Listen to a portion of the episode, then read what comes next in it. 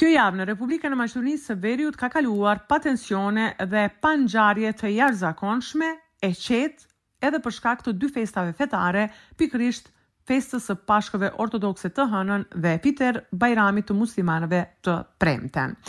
Urime për shëndet, paqe, mirëqenie e unitet u përçuan për festën e Pashkëve Ortodokse. Gjatë manifestimit qendror në Kishën Ortodokse Shën Klimenti i Ohrit në Shkup, qytetarët i bënë të gjitha ceremonitë e kësaj feste dhe përçuan mesazhet e tyre. Ata dëshironin shëndet të plotë për gjithë njerëzit në botë, Pastaj të mos ketë luftëra, të jetohet në paqe, të ketë dashuri, mirëqenie. Kjo është dëshirë që do të ndryshonte edhe botën, sipas qytetarëve. Me këtë rast, kryeministri i vendit, Dimitar Kovaçevski, ka uruar besimtarët ortodoksë dhe ka përçuar një mesazh shumë përmbajtësor për të gjithë qytetarët e Republikës sonë. Për më tepër, ndjekim deklaratën e tij. Treba da bidem edinstveni. Duhet të jemi të bashkuar, t'i tejkalojmë dallimet që kemi mes nesh. Ata që në të kaluarën mes tyre kanë patur mosmarrëveshje, duhet t'i tejkalojmë dhe të gjithë së bashku të bëjmë hapa të reja drejt një Maqedonie të Veriut më të lumtur, më prosperuese dhe më të suksesshme. Krerët më të lartë shtetërorë kanë uruar besimtarët myslimanë për festën e Fiter Bajramit me dëshirën për begati, harmoni, paqe dhe gëzim.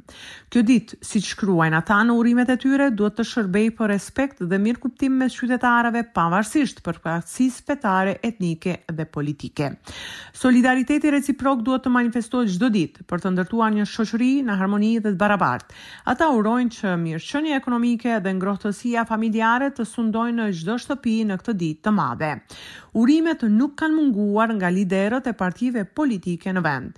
Mesazhi i përgjithshëm i tyre në këtë ditë festive është që të mbizotërojë solidariteti, toleranca, mirëkuptimi i ndërsjelltë, bashkëjetesa dhe mirësia për të gjithë. Ata theksojnë se pikërisht këto festa janë mundësi që t'i theksojmë vlerat e përbashkëta tradicionale të cilat na kanë lidhur me vite. Me rastin e festës është shprehur edhe kreu i Bashkësisë Fetare Islame Shaqir Fetahu. Ndjekim deklaratën e tij.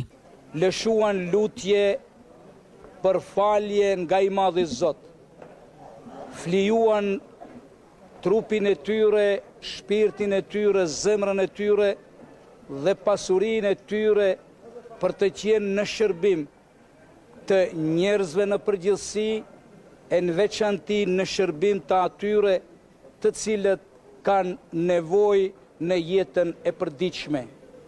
Gjatë tërë muajit të Ramazanit, besimtarët lidhën zemrat njëri me tjetrin, u afruan dhe u pajtuan në mes tyre në emër të Allahut Fuqiplotë dhe lëshuan ndjenjën e paqes, tolerancës, solidaritetin dhe lutjen për vetveten e tyre, për familjet e tyre dhe për të gjithë njerëzit në përgjithësi. Nga temat të tjera të javës, temë boshte ishte ajo e ndryshimeve kushtetuese. Deputeti i VMRO-DPMNE-së, Antonio Milloshovski pret që pas festave, pushteti të fillojë të ushtrojë presion mbi opozitën dhe deputetët që të mbështesin sipas tij ndryshimet kushtetuese.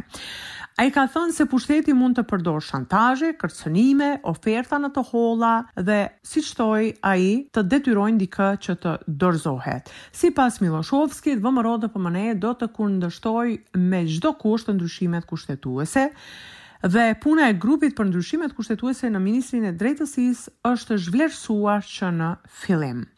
Ndërkohë ende nuk dihet se kur do të nisë funksionimi i grupit të punës. Ministria e Drejtësisë më herët thekson se fillimisht duhet të konstituohet dhe më pas të mbahet mbledhja e parë.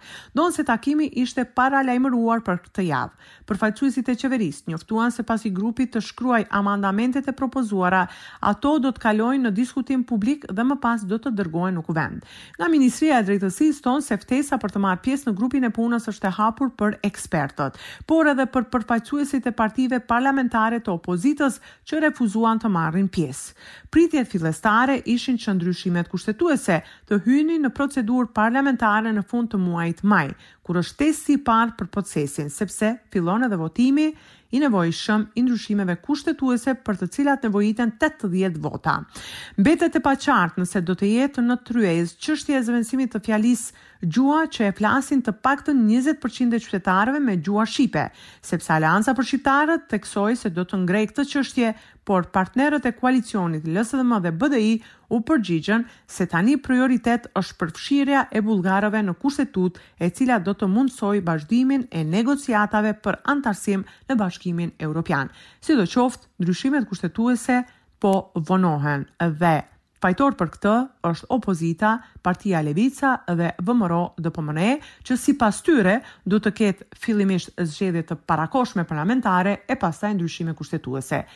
Sidoqoftë, për qëndrimet e VMRO-DPMNE-së ndjekim deklaratën e Antonio Milloshovskit. Akademiku Kambovski, profesoresha Renata Deskovska e të tjerë për arsyet e tyre të njohura refuzuan të jenë pjesë e këtij grupi, sepse e dinë se ky grup pune ka për qëllim të paraqesë diçka që po bëhet. Nëse qeveria do të ishte serioze dhe do të konsideronte se ka numra përkatës, do t'i kishte filluar këto konsultime në Kuvend, ku kryetari i Komisionit për Çështje Kushtetuese është Talat Xhaferi.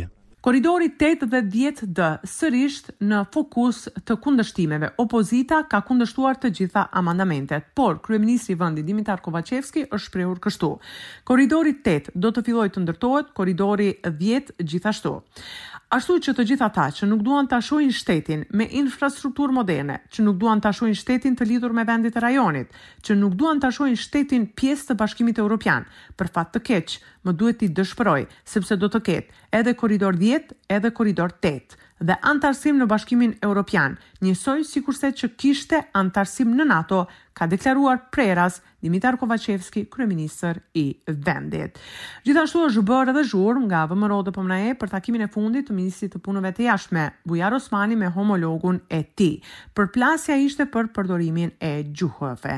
Partia opozitare i bëri thirrje Bujar Osmanit që të japë dorëheqje menjëherë, pasi në takimin e fundit sipas tyre me kolegun spanjoll e ka përdorur vetëm gjuhën shqipe. VMRO DPMNE kërkon edhe përgjegjësi penale për Osmanin, pasi siç shtojnë ata, e ka dëmtuar reputacionin e shtetit. Nga Ministria e Punëve të Jashtme i mohojnë të gjitha këto akuza dhe e tërë kjo zhurmë e VMRO DPMNE-së është për të defokusuar opinionin nga çështjet prioritare në vend. Për Radion SBS raporton nga Republika e Maqedonisë së Veriut, Besiana Mehmedi.